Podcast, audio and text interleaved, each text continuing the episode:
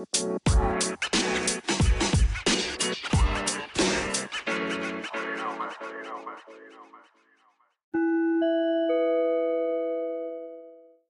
teman-teman semua, kembali lagi di podcast buku lembaran pelajar dana pribadi tanpa beasiswa tetap bisa. Kali ini gue lagi, Hakiki, yang bakal jadi moderator ya, karena sayangnya di eh, Betari lagi ada masalah di rumahnya dia, jadi gue harus step in kali ini.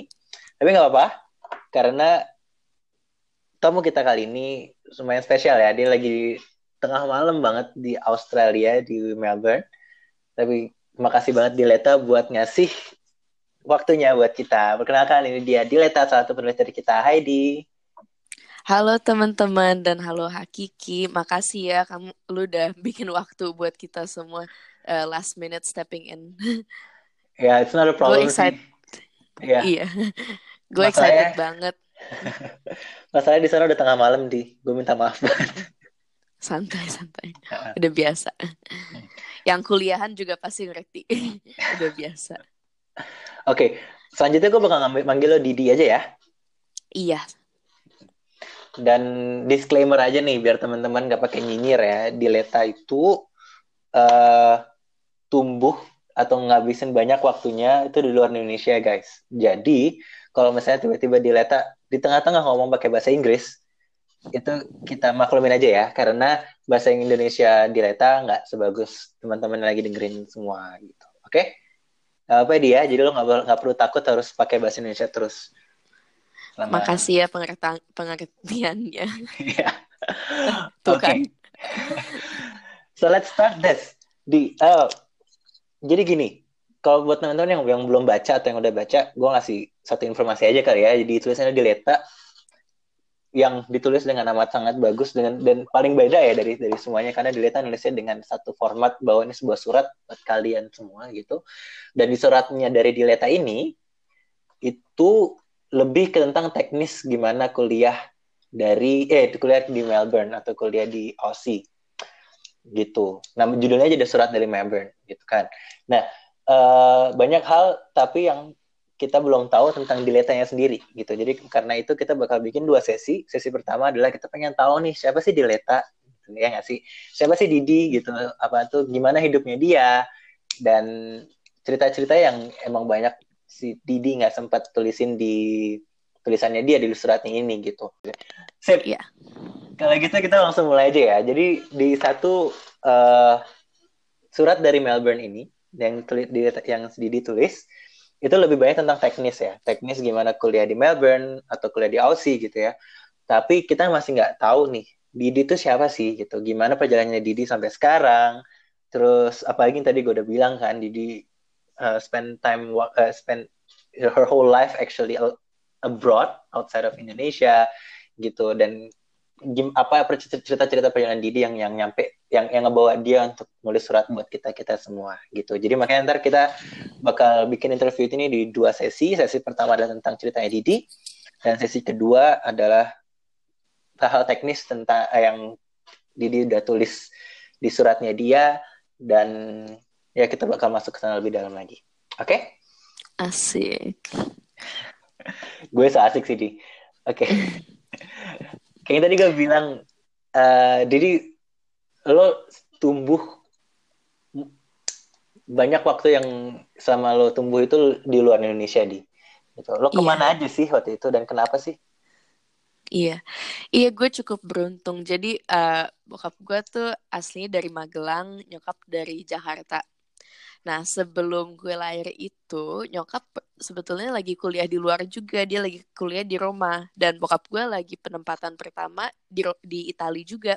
Nah, mereka bertemu, terus pulang ke Indonesia menikah, terus gue lahir. Makanya dikasih nama Dileta, yang itu sebetulnya nama uh, orang Itali. Nah, setelah gue lahir, umur 2 tahun itu bokap gue dapat penempatan kerja lagi di New York di uh, eh, PT RI karena bokap gue uh, kerja di Kementerian Luar Negeri sebagai seorang diplomat. Jadi um, waktu itu anaknya uh, cuman baru gue dan adik gue yang dua lahir di New York juga. Dan setelah di New York um, kita empat tahun di sana kita balik ke Jakarta pulang ke Jakarta empat, empat tahun abis itu pindah ke Canberra di Australia. Di Australia kita sempat tinggal di sana tiga tahun terus balik lagi ke Indonesia tiga tahun lalu pindah ke Manila. Dan uh, di Manila gue juga sempat ambil kuliah uh, S1 di sana. Gitu cerita um, gue pindah-pindahnya waktu masih kecil. Gokil. Gue gak kebayang ya. Soalnya gue dulu pindah dari Jakarta ke Bogor aja gue culture shocknya udah gila-gilaan ya iya lumayan sih. Tapi um, dan apalagi kalau kita masih kecil kan punya berteman banyak dan dalam waktu dua tahun tiga tahun itu uh, persahabatan udah kuat banget kan. Jadi bayangin aja kita masih kecil terus udah punya sahabat sedih banget rasanya harus meninggalkan sahabat-sahabat kita. Dan zaman dulu kan Friendster aja belum ada, jadi masih kita surat-suratan pakai perangko. Um, rasanya lama banget kalau mau dengar um, kabar dari temen. Tapi kalau dilihat uh, dari sekarang, looking back, gue tuh merasa beruntung banget karena dari pengalaman pindah-pindah banyak uh, waktu kecil gue jadi tahu lebih banyak tentang budaya-budaya uh, orang di berbagai macam tempat dan juga belajar bahasa macam-macam gue bisa bahasa uh, bisa sedikit bahasa Itali karena orang tua kadang-kadang di rumah ngobrolnya bahasa Itali um, bahasa Inggris cukup lancar juga dan uh, yang seru bahasa Filipin yang udah lumayan bisa um, sedikit-sedikit. Lu bisa bahasa Tagalog juga ya? Oh, oh, konti lang. Pero hindi naman sobrang magaling. Artinya sedikit tapi nggak terlalu bagus. Gue cuma tahu bahasa Tagalog tuh mahal kita. That's a good one. Iya. Untuk teman-teman yang nggak tahu, mahal kita artinya sayang kamu. Iya. Soalnya itu lucu banget kan, maksudnya mahal kita dalam bahasa Indonesia itu kayak we're expensive. Iya, jadi lucunya bahasa Filipina itu kata-katanya banyak yang mirip dengan bahasa Indonesia tapi artinya beda. iya, gokil, gokil. Terus gue pengen nanya satu pertanyaan yang mungkin agak sensitif ya dia. Uh, lo sempet identity crisis nggak? Loncat-loncat negara kayak gitu?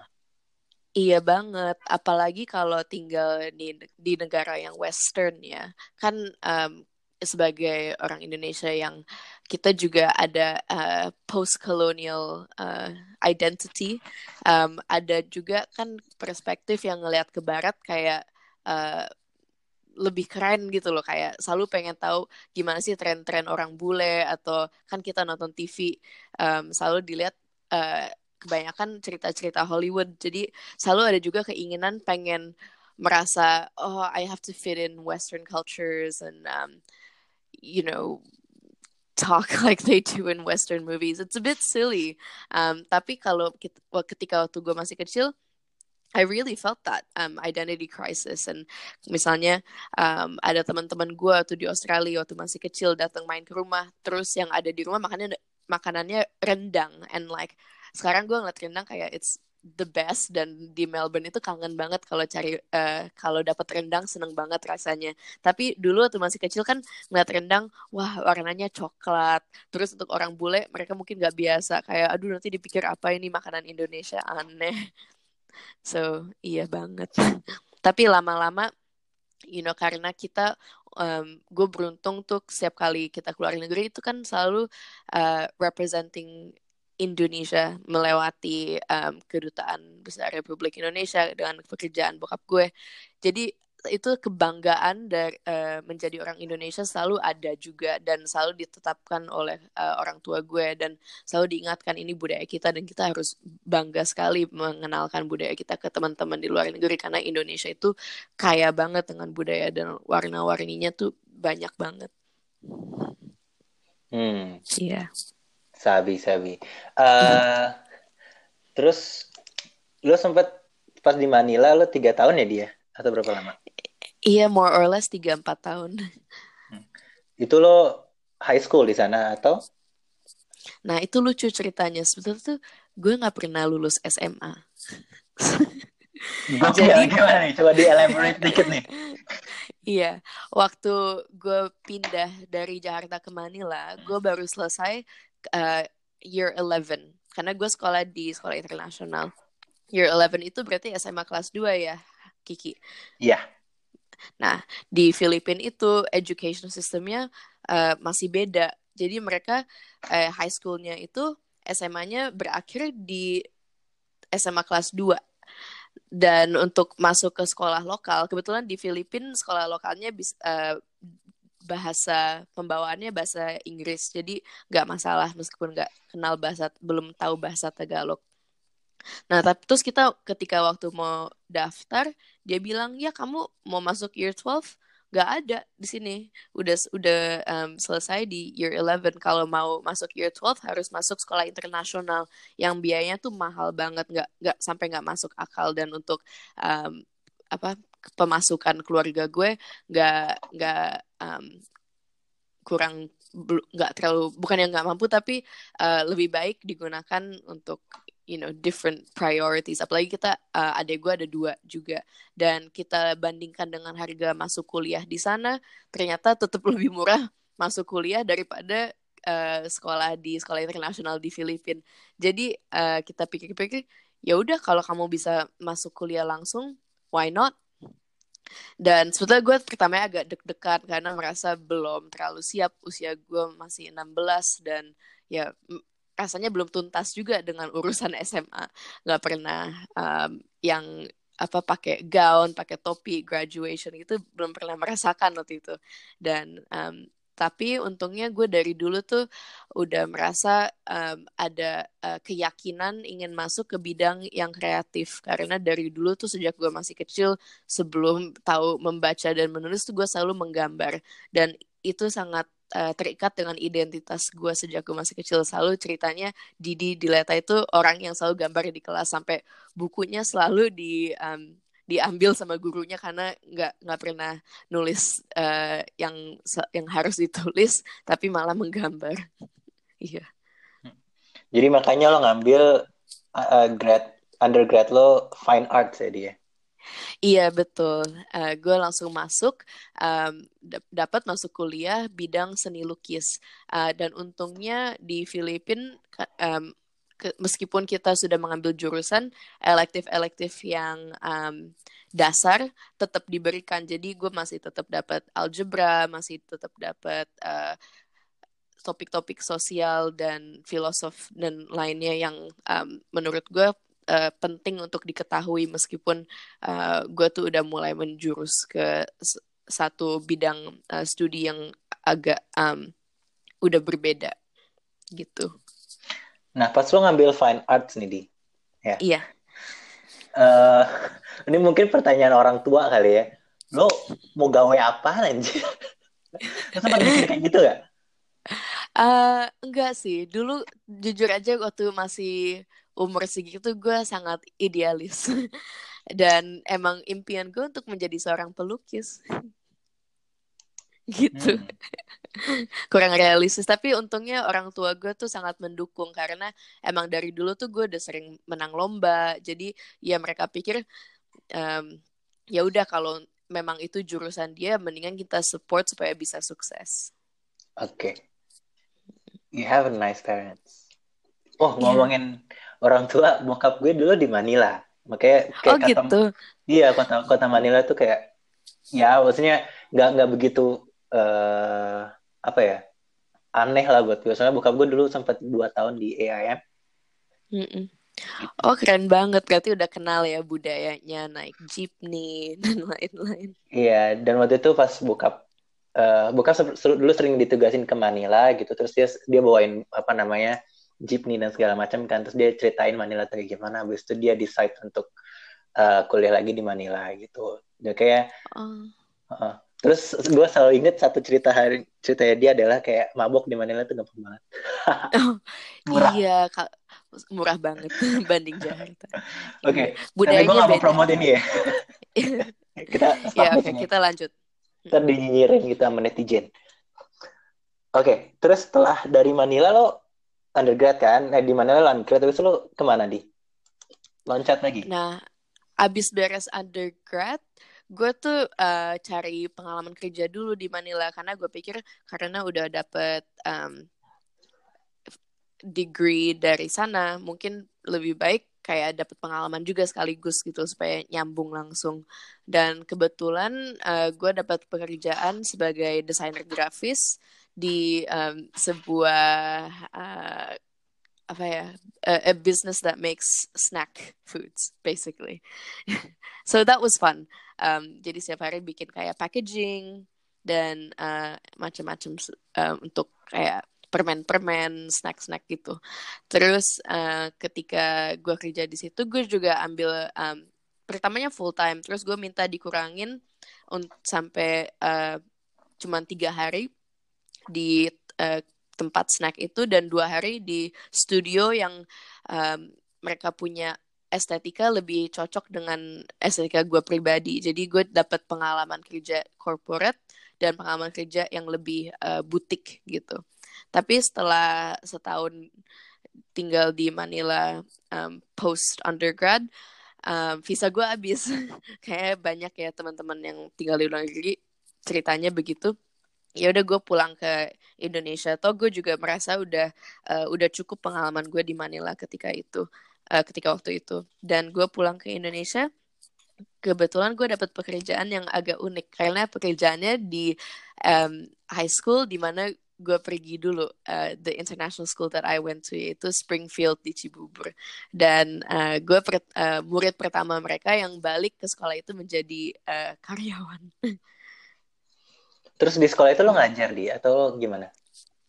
Um, officialnya sih gue kayak kerja admin sebagai kayak communications officer bantu-bantu dengan uh, dengan dokumen, desain uh, barang uh, desain untuk marketing dan uh, lucunya gue juga kadang-kadang suka diajak masuk ke classroom art room untuk bantu uh, guru seni uh, mengajar uh, bidang seni juga. hmm. Iya. Boleh cerita dikit tentang pengalaman lo di Jakarta ya karena kan kayak yang tadi udah diceritain kan lo kerjanya loncat-loncat negara gitu dan lo juga mm -hmm. walaupun lo sempat SMA di Jakarta ya di di, di sekolah itu ya uh, yeah. was it uh, weird to come back to Jakarta apakah itu sesuatu yang asing kah buat lo how was it ya yeah. um, yang pertama gue notice Jakarta itu jauh lebih maju daripada Manila. Jadi untuk teman-teman yang di Jakarta uh, digunakan dengan baik privilege tinggal di Indonesia karena negara kita itu sebenarnya sebetulnya cukup maju di Asia dan bisa sangat dibanggakan.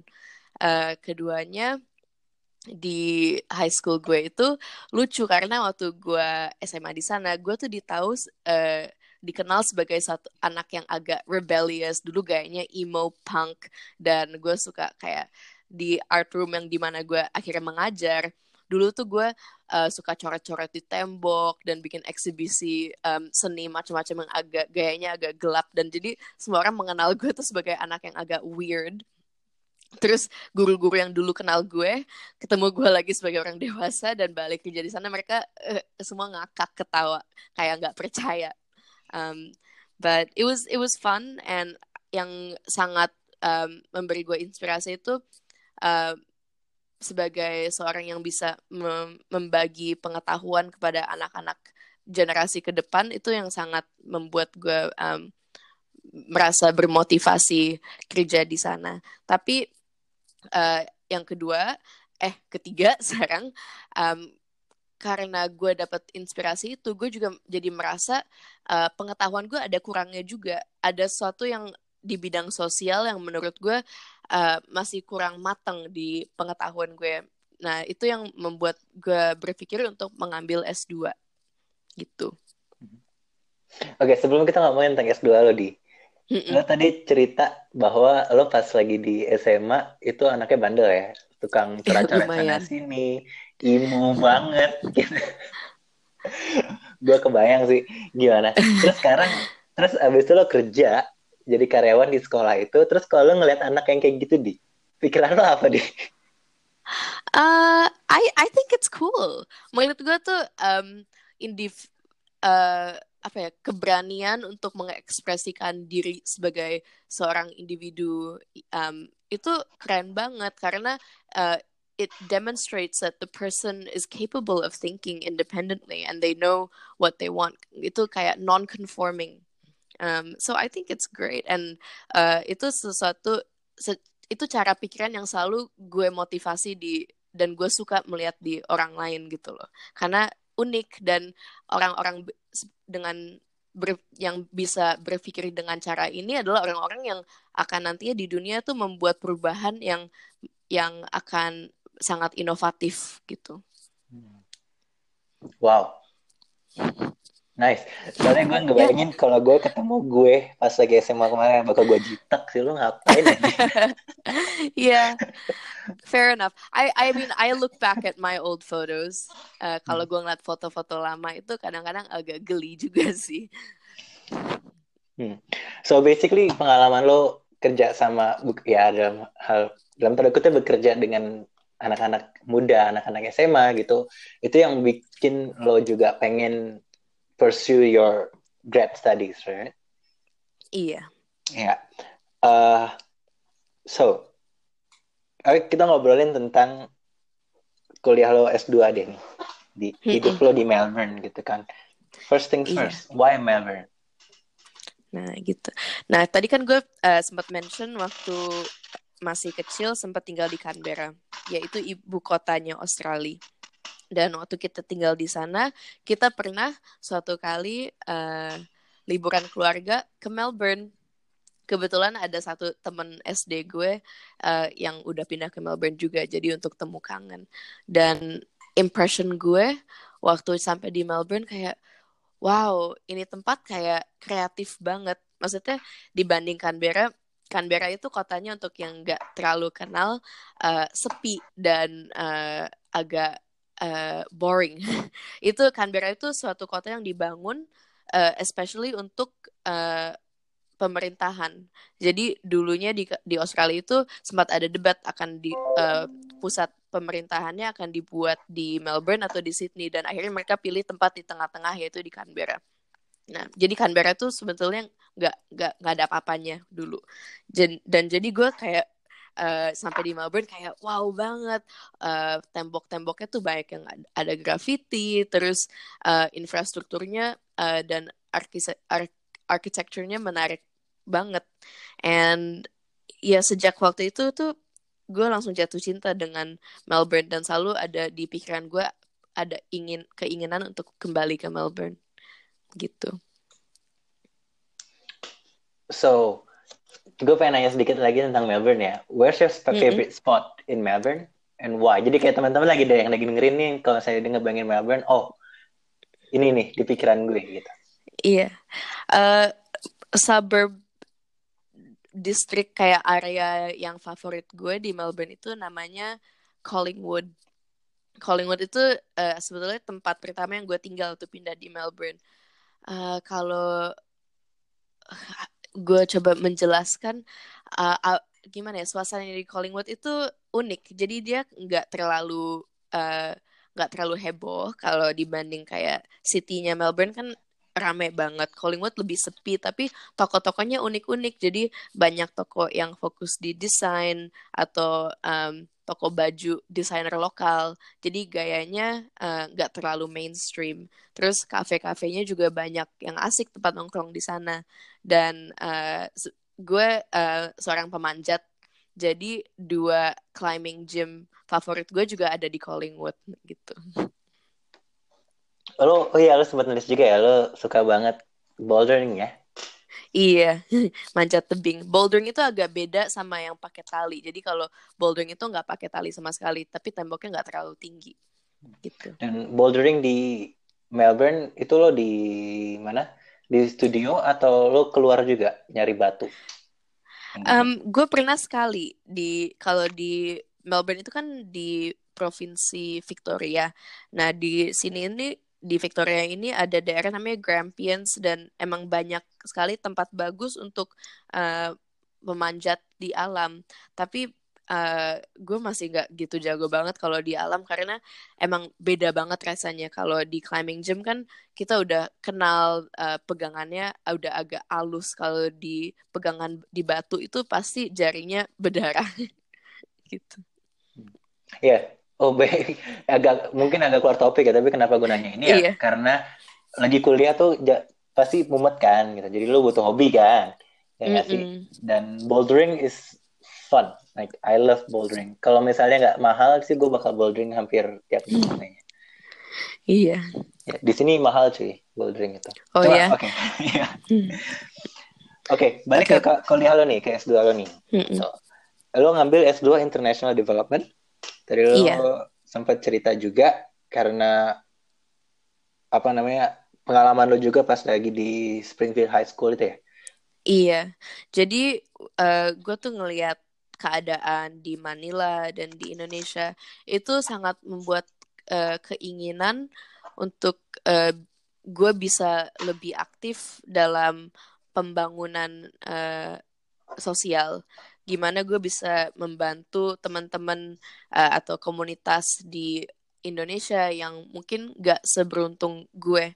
Dan uh, gue merasa dengan um, dengan pembekalan uh, dari S1 gue yang seni lukis itu ada yang masih kurang. Jadi gue pengen banget uh, belajar lagi untuk mendalami pengertian gue um, dalam bidang um, ekonomi, dalam bidang um, apa, development, pembangunan, dan dalam bidang uh, you know international relations juga. Tapi waktu sebetulnya gue pertama kali buka komputer itu, gue kurang tahu apa sih bidang yang harus gue uh, pelajari dan gue uh, apa asal aja buka-buka um, beberapa website kuliah kuliah-kuliah yang ada di Melbourne dan uh, dan gue lihat ini ada satu kurs di RMIT Royal Melbourne Institute of Technology namanya International Development. Sebelum itu gue nggak pernah tahu International Development itu apa dan gue lihat oh uh, karir untuk orang yang sekolah development bisa arahnya ke mana dan gue baca itu bisa kerja di UN bisa kerja di World Economic Forum dan um, itu tidak beda jauh dengan diplomasi tapi kerjanya tuh lebih hands down dan lebih dengan komunitas. Jadi tidak terlalu dengan pemerintahan. Jadi biasanya tuh kalau studi international development nyambungnya kerja di NGO dan untuk gue yang merasa kurang cocok masuk uh, institusi se seperti Kemlu karena gue agak terlalu individu dan mungkin uh, bokap gue pernah cerita kalau masuk Kemlu itu strict banget nggak boleh tatoan nggak boleh macam-macam. Jadi gue pikir nggak deh mungkin kurang cocok. Jadi gue um, pilih itu bidang international development. Oke okay. uh, eh, susah nggak lo yang tadinya dari fine arts gitu dan lo emang hobinya ngegambar kan? Tiba-tiba lo harus masuk mm -hmm. ke kampus yang pelajarnya sosial banget gitu. Sesuatu yang nggak yang nggak pernah lo pelajarin sebelumnya? Iya dan bentuk risetnya juga beda kan sebetulnya sebelum ada perasaan kesusahan perasaan yang pertama timbul itu minder. Gue minder banget jujur. Karena gue merasa teman-teman yang masuk um, S2 itu dengan gue mereka pengalamannya jauh lebih dalam dalam uh, di bidang tersebut. Mereka udah ada yang ada pengalaman kerja dengan uh, pemerintah ada yang ada pengalaman kerja dengan NGO dan gue cuman pengalamannya uh, dengan graphic design dan melukis. Nah, tapi lama-lama gue tuh setiap kali presentasi di kelas, presentasi gue paling bagus dong karena gue yang ngerti desain yang lainnya nggak tahu desain. Dan um, dari pengalaman itu gue malah jadi um, tahu di mana kekuatan gue. Jadi gue menggunakan kerja eh pengalaman belajar S2 itu iya untuk menambah ilmu tapi juga malah ilmu yang udah ada gue uh, develop juga gitu. Interesting. Itu malah motivasi gue juga ya. Saya Oh apa gitu ya? ya? Iya, gue motivasi gue banget men. Saya apa ya? Bener kata lo. Kalau misalnya kalau cuma ngelihat di satu sisi kayak oh gue nggak pernah ini nih, gue nggak pernah belajar ini nih uh, sosial gitu kan. Terus kayak uh, instead lo ngapus apa saya instead lu bener-bener berpaling dari art ke social gitu ya tapi malah lu ngelihatnya oh kekuatan gue di art itu masih bisa gue pakai juga di apa namanya di hal yang gue pelajarin sekarang gitu itu iya. keren sih Yeah, and I think it's so important. Ini agak off topic sebentar, tapi if we talk about things like artificial intelligence, itu kan sekarang diskusi lagi banyak banget kan tentang gimana sih ke depannya manusia kalau pekerjaan kita bisa diambil oleh mesin dan robot. Sebetulnya skill set yang paling penting ini skill set untuk kita bisa transfer satu uh, kekuatan atau ilmu kita ke bidang yang lain gitu loh.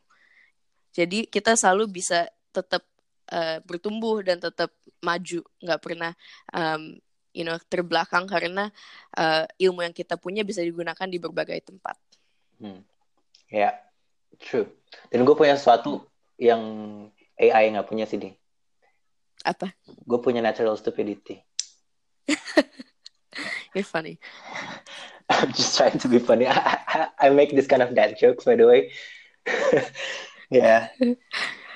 I'll tolerate okay. it. Oke. okay.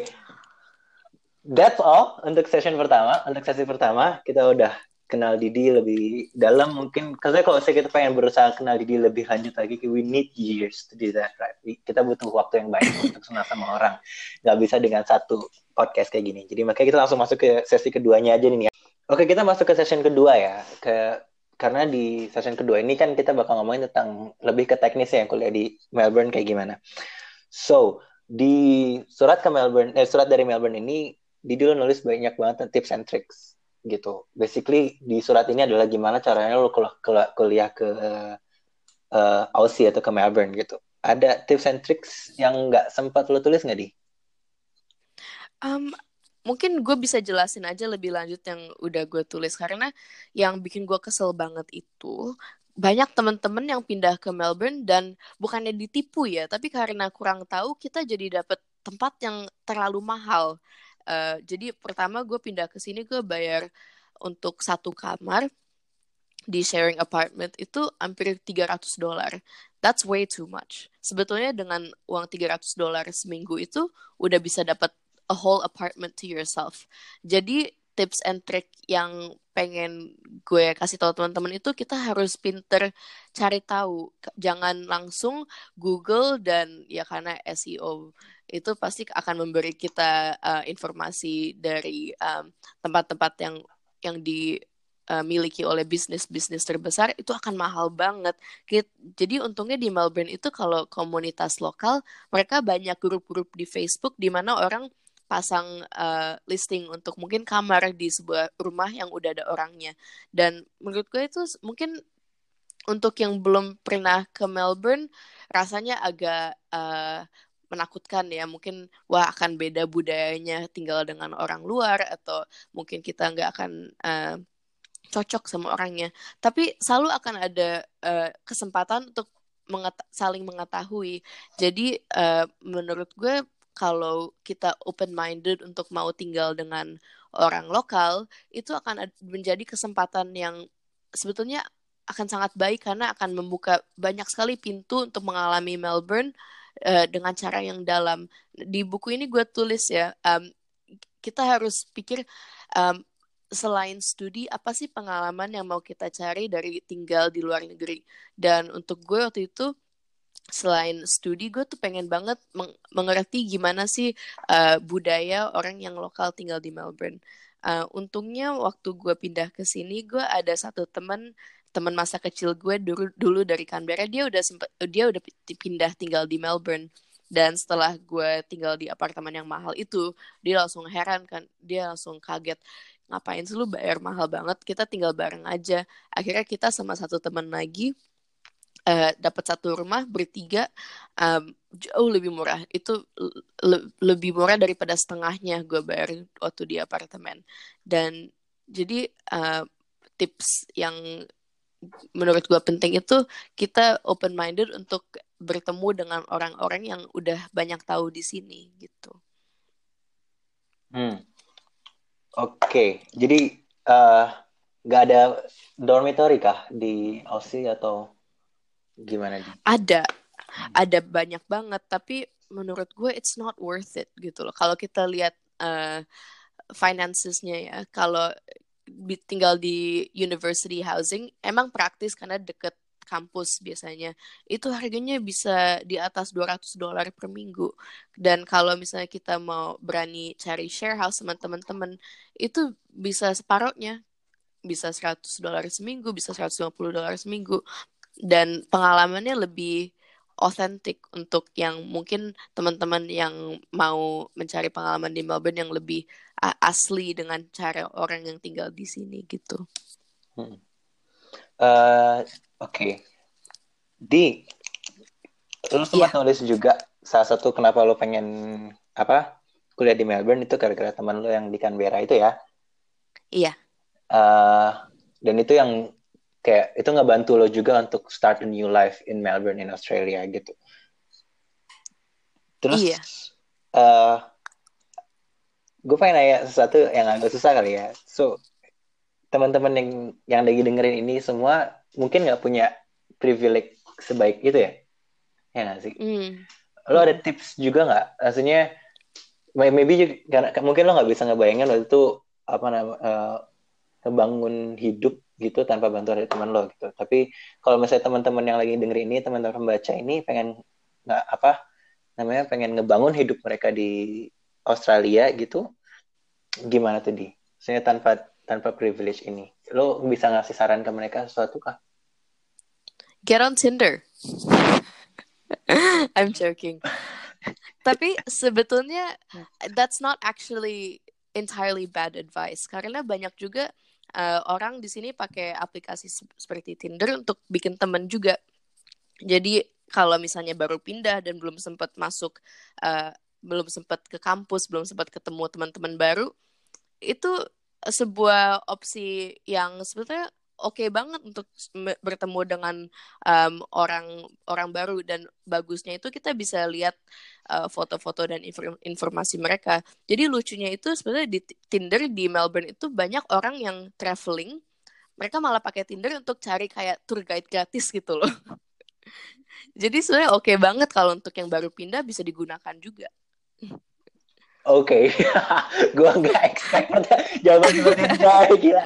Jadi ya teman-teman ya, kalau kalian punya Tinder jangan dipakai yang aneh-aneh gitu ya, dipakai untuk seperti ini, nyari koneksi gitu ya. Yeah, it's a networking tool. It's a networking tool by the way. cool, thank you. Di. ya, lo masih ngomong Tinder, gue shock aja. What? I I didn't expect that at all. Okay. Yeah, it's fine. uh, next question agak ini ya, agak personal lagi ya, tapi berhubungan okay. dengan kuliah lo di LCD. Uh, yang gue yang gue ngerti adalah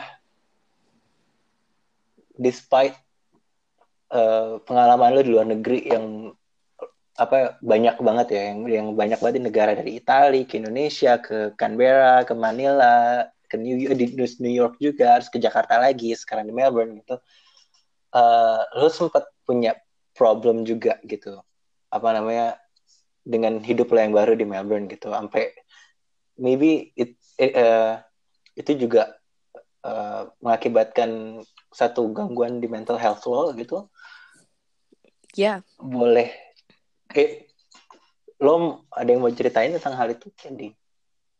Ya, yeah, absolutely. Um, apalagi untuk urusan mental health itu gue seorang kayak advokat yang selalu mau membawa uh, mental health ke pertengah-tengahan diskusi seperti ini karena menurut gue penting banget apalagi untuk ketika kita seorang apa lagi studi sebagai seorang mahasiswa itu kan bebannya banyak banget ya hmm. untuk gue tuh pertama susah kan meskipun akhirnya pada akhirnya nilai gue bagus dan gue uh, lulus dengan uh, ada kepuasan dalam diri gue sendiri.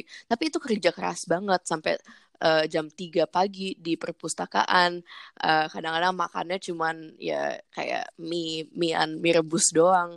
Dan kadang-kadang teman-teman juga uh, sibuk dengan urusan mereka sendiri dan keluarga jauh. Terus kadang-kadang mungkin apa ada permasalahan sosial dengan teman-teman macam-macam. Pokoknya banyak banget yang bisa uh, menjadi beban. Dan untuk gue juga karena waktu gue kuliah di Melbourne itu untuk membiayai kuliah gue, uh, keluarga gue juga dibantu oleh uh, kakaknya nyokap gue yang baik banget untuk membantu mem, uh, meringan meringankan biaya kehidupan gue di Melbourne. Dan jadi gue merasa beban untuk kayak harus membanggakan semua orang ini yang udah menginvestasi ke gue. Dan um, gue merasa stres banget. Sampai kadang-kadang tuh keluar ranjang rasanya susah banget. Dan uh, ngobrol sama teman-teman juga rasanya kurang puas. Dan gue tuh um, karena hobi gue juga yoga dan bermeditasi, gue mulai uh, belajar tentang cara-cara kita bisa uh, me mengganti pola pikiran mental kita.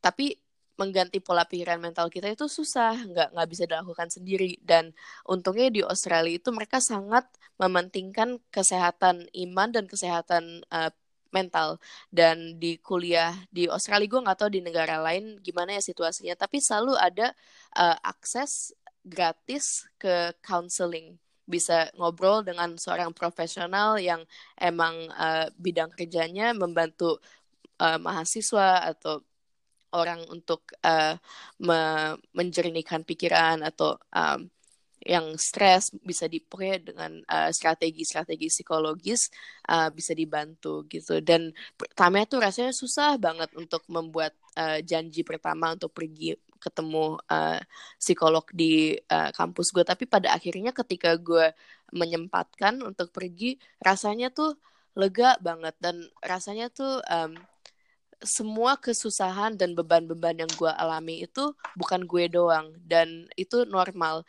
Dan strateginya untuk membantu seseorang yang mengalami uh, situasi seperti itu ada. Dan itu it's not fatal.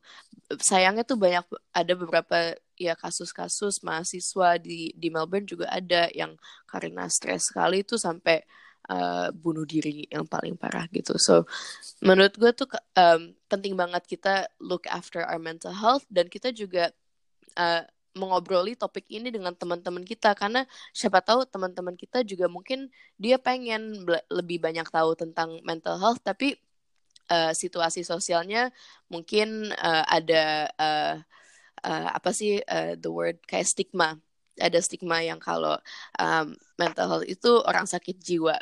Bukan kalau di perspektif positive psychology um, kalau kita uh, pay attention to our mental health that's you know that improves our well-being and that's even um, it's even better to do this before things get really really bad. Nah selain um, mengunjungi counseling yang ada di universitas and that's something I really advise um, you know people who are studying to take advantage of. Gue juga bermeditasi. Jadi di um, di Melbourne ini dan di ber, banyak uh, kota-kota lain di keliling du sekeliling dunia ada um, kayak organisasi yang um, memfasilitasikan um, program meditasi 10 hari. Jadi 10 hari itu kita nggak boleh pegang HP, nggak boleh makan daging, nggak boleh bicara. Itu 10 hari meditasi doang 10 jam per hari itu dan emang agak gila eh, kesannya kayak nggak bisa bayangin lepas HP 10 menit pun tapi uh, bagi gue itu sangat membantu menjernihkan pikiran gue juga hmm.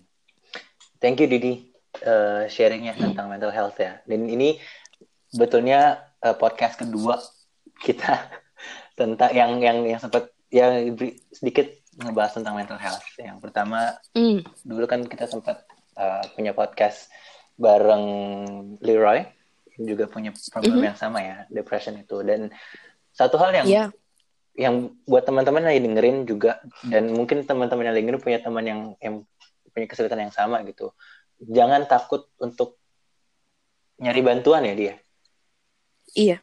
Jadi atau ajak ngobrol. Iya jangan jangan takut nyari bantuan dan ajak ngobrol aja atau don't keep it to yourself gitu karena malah bakal ngancurin hidup lo sendiri gitu. Soalnya banyak juga kayak kayak yang Didi tadi sempat mention gitu di Jerman pun banyak teman-teman yang depressed karena kuliahnya gitu. Nggak nggak bahkan harus di Jerman kok di Jakarta juga. Uh, banyak juga yang depressed karena pekerjaannya atau jadi nggak harus kuliah luar negeri untuk dapat untuk depressed kayak gini gitu. Dan it's a serious topic guys. Apalagi this uh, uh, this mental health issue is also very big in our generation nowadays. dan buat teman-teman yang lagi di Jakarta juga gue juga bisa gue juga mungkin uh, bisa ngasih tips ya bahwa puskesmas di Jakarta beberapa itu udah ada yang nyiapin uh, counseling khusus untuk kesehatan jiwa ya dan gratis itu di Jakarta. Jadi teman-teman tinggal Google aja uh, klinik uh, apa namanya konseling kesehatan jiwa di puskesmas di Jakarta di mana dan itu semua gratis guys lo bisa ke sana dan dapat konseling yang bakal ngebantu lo banget gitu. Oke. Okay. Amazing. Ya. Uh, terakhir untuk session kedua ya.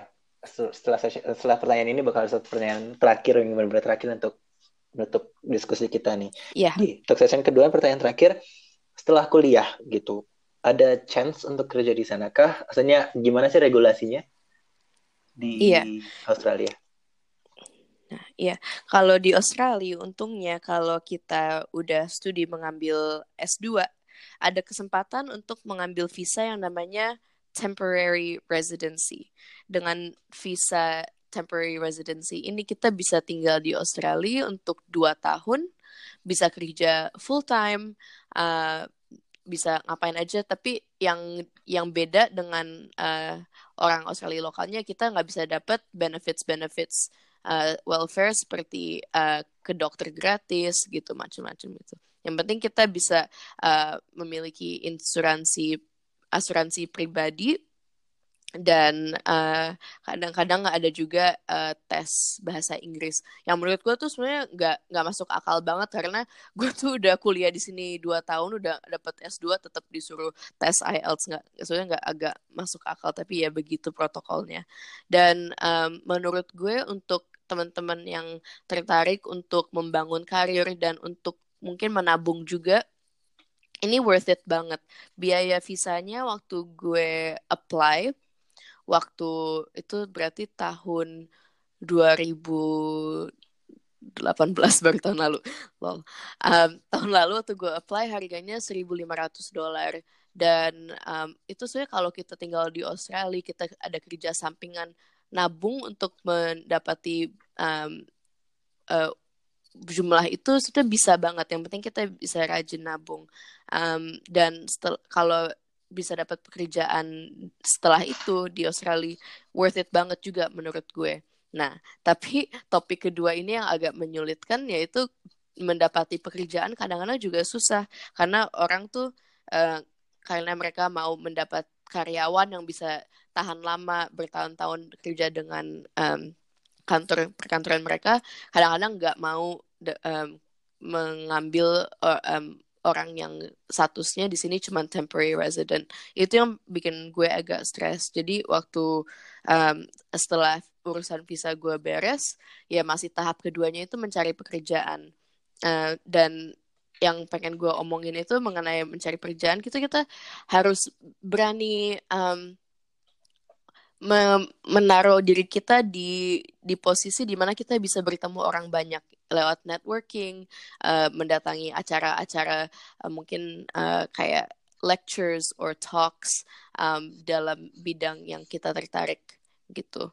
Um, dan waktu itu gue susah banget dapat pekerjaan. Sudah sudah lebih dari satu bulan dua bulan masih belum dapat pekerjaan. Nah tapi karena bidang gue uh, waktu itu di international development gue banyak pengalaman uh, kerja relawan um, volunteering work membantu teman-teman yang bikin NGO gue bantu bikin mereka bikin logo bikin desain macam-macam pekerjaan gue itu jadi orang jadi mulai kenal. Nah jadi gue tuh lebih banyak uh, udah jadi udah mulai banyak yang ngajak gue kerja bareng untuk mungkin bantu bikin logo bikin ini. Lama-lama karena uh, portfolio itu udah ada dan orang udah ngelihat hasil kerja gue gue jadi lebih berani untuk um, charging money for it untuk minta orang bayar untuk pekerjaan gue. Karena uh, meskipun ini bisa dibilang bidangnya seni ya itu itu adalah sesuatu kerjaan yang you know it's it's a real job with like um, a lot of training that goes into it and a lot of time. Jadi uh, gue harus menghormati apa yang gue lakukan juga. Dan untungnya di Australia itu untuk mem mendapatkan license untuk kerja untuk diri kita sendiri nggak terlalu susah. Kita tinggal um, tinggal pergi ke websitenya di Google nanti dicari um, namanya ABN Australian Business Number.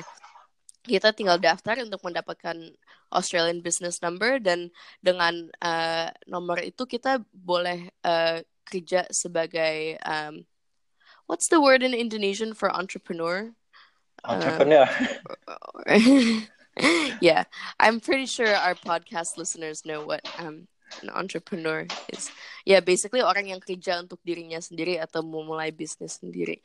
Um, dan uh, untuk masalah um, tax pajak, if I'm if I can get a little bit technical here, untuk um, 18 ribu dolar pertama yang lu um, dapatkan dalam jangka waktu satu tahun itu nggak nggak dipajak. Karena mereka emang mau membantu um, bisnis bisnis kecil yang baru mulai um, untuk uh, berkarya dan uh, membuat bisnis. Karena you know right now we're in the age of startups right? Gue pindah bahasa Inggris sebentar ya karena ini gue um, it's my spiel and Uh, mungkin untuk teman-teman yang tertarik kerja di Melbourne ada baiknya juga um, you know untuk uh, tahu um, how we talk about um, this sort of entrepreneurship and startup world. Um, in Victoria, it's, it's it's one of the fastest growing cities when it comes to the emergence of startups and social entrepreneurship and freelancers. Dan itu karena um, ekonominya sangat uh, membantu untuk kita yang uh, mau melakukan hal-hal kreatif seperti ini dan bukan hanya masalah pajak dan membuat ABN yang sebetulnya mudah banget. Banyak sekali organisasi yang membantu anak-anak muda yang pengen uh, melakukan hal-hal seperti ini. Jadi banyak program beasiswa atau co-working space gratis untuk uh, teman-teman yang mungkin tertarik untuk uh, men apa going down this path. Jadi um, setelah um, ide bisnis gue udah mulai mateng, gue mulai kirim-kirim proposal ke beberapa organisasi yang gue tahu membantu um, anak-anak muda seperti gue yang yang baru membuat bisnis. Dan ada satu organisasi yang memberi gue uh, co-working space gratis. Dan itu maksudnya it sounds simple tapi sangat membantu uh, bisa kerja di suatu tempat yang banyak teman-teman anak-anak lain yang um, situasinya seperti gue dan itu sangat mem, mem, apa motivating and um, kalau membuat bisnis um, untuk orang yang baru bikin bisnis baru itu uh, rasanya tuh it re, um, sangat uh, meresmikan apa yang kita lakukan gitu untuk bisa uh, bergabung dan dilihat de dengan orang lain bahwa bisnis kita itu jalan gitu. Oke, okay, thank you buat sharingnya di. Uh, cuma satu pertanyaan ke mm. yang tadi lo sempat jelasin, this the temporary yeah. citizenship? Yeah, residency. Eh, residency, temporary residency. Mm -mm. Itu bisa diperpanjang nggak, Di? Mm, I don't think so. Tapi don't quote me on that ya. Mungkin teman-teman bisa cari di Google. Tapi um, kayaknya sih enggak. Uh, yang setahu gue uh, opsinya setelah temporary residency kalau um, mau uh, lanjut stay di Australia itu ya harus ambil yang permanent residency. Dan kalau untuk mendapatkan permanent residency itu kita tidak harus mengganti uh, citizenship kita. Jadi tetap bisa memegang paspor WNI dan tinggal di Australia dan mendapatkan benefits-benefits yang teman-teman kita di Australia mendapatkan. Jadi dapat akses ke um, healthcare dan macam-macam. Uh, dan pathways untuk mendapatkan permanent residency um, sekarang lagi agak um, tambah susah. Soalnya seperti kemarin Betari bilang di Perancis juga tambah ketat kan dengan um, increase migration terus situasi uh, protection protectionism. Australia sekarang kan mulai agak uh, pemerintahannya konservatif dan mereka menutupi um, uh, border mereka ke uh, kayak dikurangi um, kuota yang refugee bisa masuk gitu. Dan um, jadi tambah susah. Dulunya tuh ada kayak skills list, jadi ada beberapa bidang pekerjaan yang mereka prioritaskan. Uh, kalau kita masuk dalam salah satu bidang itu uh, lebih mudah untuk mendapatkan permanent residency. Tapi sekarang uh, harus dapat sponsorship dari tempat kerja kita atau kalau misalnya punya pasangan uh, orang Australia gitu kita bisa uh, uh, apply untuk visa permanent residency dengan status de facto berarti nggak usah menikah tapi kayak um, pacarannya itu diresmikan oleh pemerintah juga. Oke, okay, thank you Didi buat semua sharing ya. No, Ini udah sharing tentang. Yeah, no problem. Cerita, cerita sharing tentang. No worries. Cerita-cerita lo dan juga apa namanya mm. teknis-teknisnya ya sampai uh, setelah kuliah tuh bisa ngapain aja gitu. Pertanyaan terakhir sebelum kita benar-benar tutup semua diskusi kita. Uh, mm Basically simple question sih, tapi two quest two simple questions like what do you do now? Tadi sempat udah sempat brief juga bahwa lo sempat bikin startup ya. Dan what do you want to do next? what's your like what's your goal next? Mm. Okay, so setelah gue bikin startup my uh, communication design studio yang gue lakukan itu at that time kayak uh, kayak kerja desain dan komunikasi specifically untuk dalam bidang development. Jadi kerjanya dengan social enterprise, dengan not for profit, NGOs and ethical businesses. Gue uh, setelah satu tahun itu merasa gini, stres banget karena I, gue uh, membangun bisnis itu sendiri nggak ada gue nggak punya partner nggak punya karyawan karena uh, emang pemasukannya masih belum stabil jadi gue merasa terisolasi banget karena uh, harus memanage bisnis itu sendiri dan mengerjakan tugasnya sendiri juga. Rasanya pusing. Jadi um, my options ada dua. Harus cari partner untuk membantu bangun bisnis itu supaya bisa sustainable supaya bisa berkelanjutan dan uh, menghidupi gue. Atau gue cari pengalaman di organisasi besar dulu. Gue kerja dengan mungkin dengan um, a company or something dan gue baru berpikir gitu-gitu doang um, eh dapat message di LinkedIn dari orang yang gue pernah ketemu di networking event. Nah, balik itu pentingnya kayak kita harus berani pasang diri. Nah, orang itu message gue di LinkedIn, dia bilang, eh, uh, di Deakin University kita lagi cari orang marketing nih, uh, lu tertarik nggak? Atau kenal orang yang tertarik nggak? Gue bilang, um, yes, definitely, I'm interested, um, tell me more. And before you know it, we were meeting up for a coffee the next day. Kalau di Melbourne gayanya gitu, kalau mau rapat, sebetulnya bilangnya just meet up for a coffee. Um, dan setelah ngopi bareng, uh, gue dikasih kayak satu um, task kayak sample job I did it and then I got the job so um, for the last uh, two months gue sekarang kerja di Deakin University membantu uh, portfolio startup accelerator mereka sebagai um, orang marketing di situ. Hmm. And what's your next goal? Oh yeah, I forgot you asked that. Ya gue baru dapat pekerjaan ini dua bulan yang lalu. Uh, but I think my next goal, um, pending sih Ki. Gue saya baru kayak lagi serunya banget nih, baru uh, mulai pekerjaan baru. Tapi setelah itu sih uh, ancang-ancangnya gue pengen uh, melakukan sesuatu yang lebih kreatif lagi gitu. Oke. Okay. Jadi sisi seniman lo masih masih gede banget ya dia. Yeah, so wait for it. Oke. Okay. Oh, ngomongin seniman nih di, lo punya uh, website kah untuk bisa ngeliat hasil-hasil karya seni lo atau kalau teman-teman pengen penasaran lebih tentang karya seni lo gitu bisa akses di mana di? Mm, dulu sih gue uh, sempat upload di Instagram, tapi kalau mau dicari uh, dalam banget.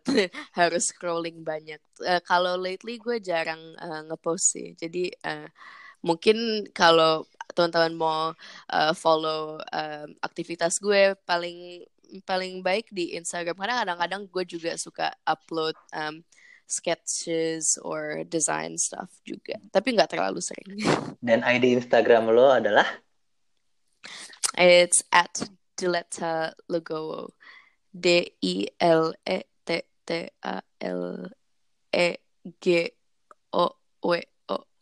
Mantap. Oke. Okay. Uh. Kalau gitu, di gue makasih banget ya buat mm. semua waktu lo. Sekarang udah jam satu pagi di iya. Melbourne. Yeah. Tapi lo masih tetap nyempetin waktu untuk uh, diwawancara sama kita, sama buku kita. Thank you banget. Yeah. Thanks for an enjoyable conversation. Hmm. Thank you that it was enjoyable as well. yeah. and untuk teman-teman yang lagi dengerin, tetap semangat juga untuk ngejar impian-impian kalian. Kalau gitu teman-teman yang dari tadi udah nongkrongin podcast kita, terima kasih juga buat waktu teman-teman semua. Semoga terinspirasi dengan uh, ceritanya Dileta dan kita bakal ketemu di podcast selanjutnya. Dadah.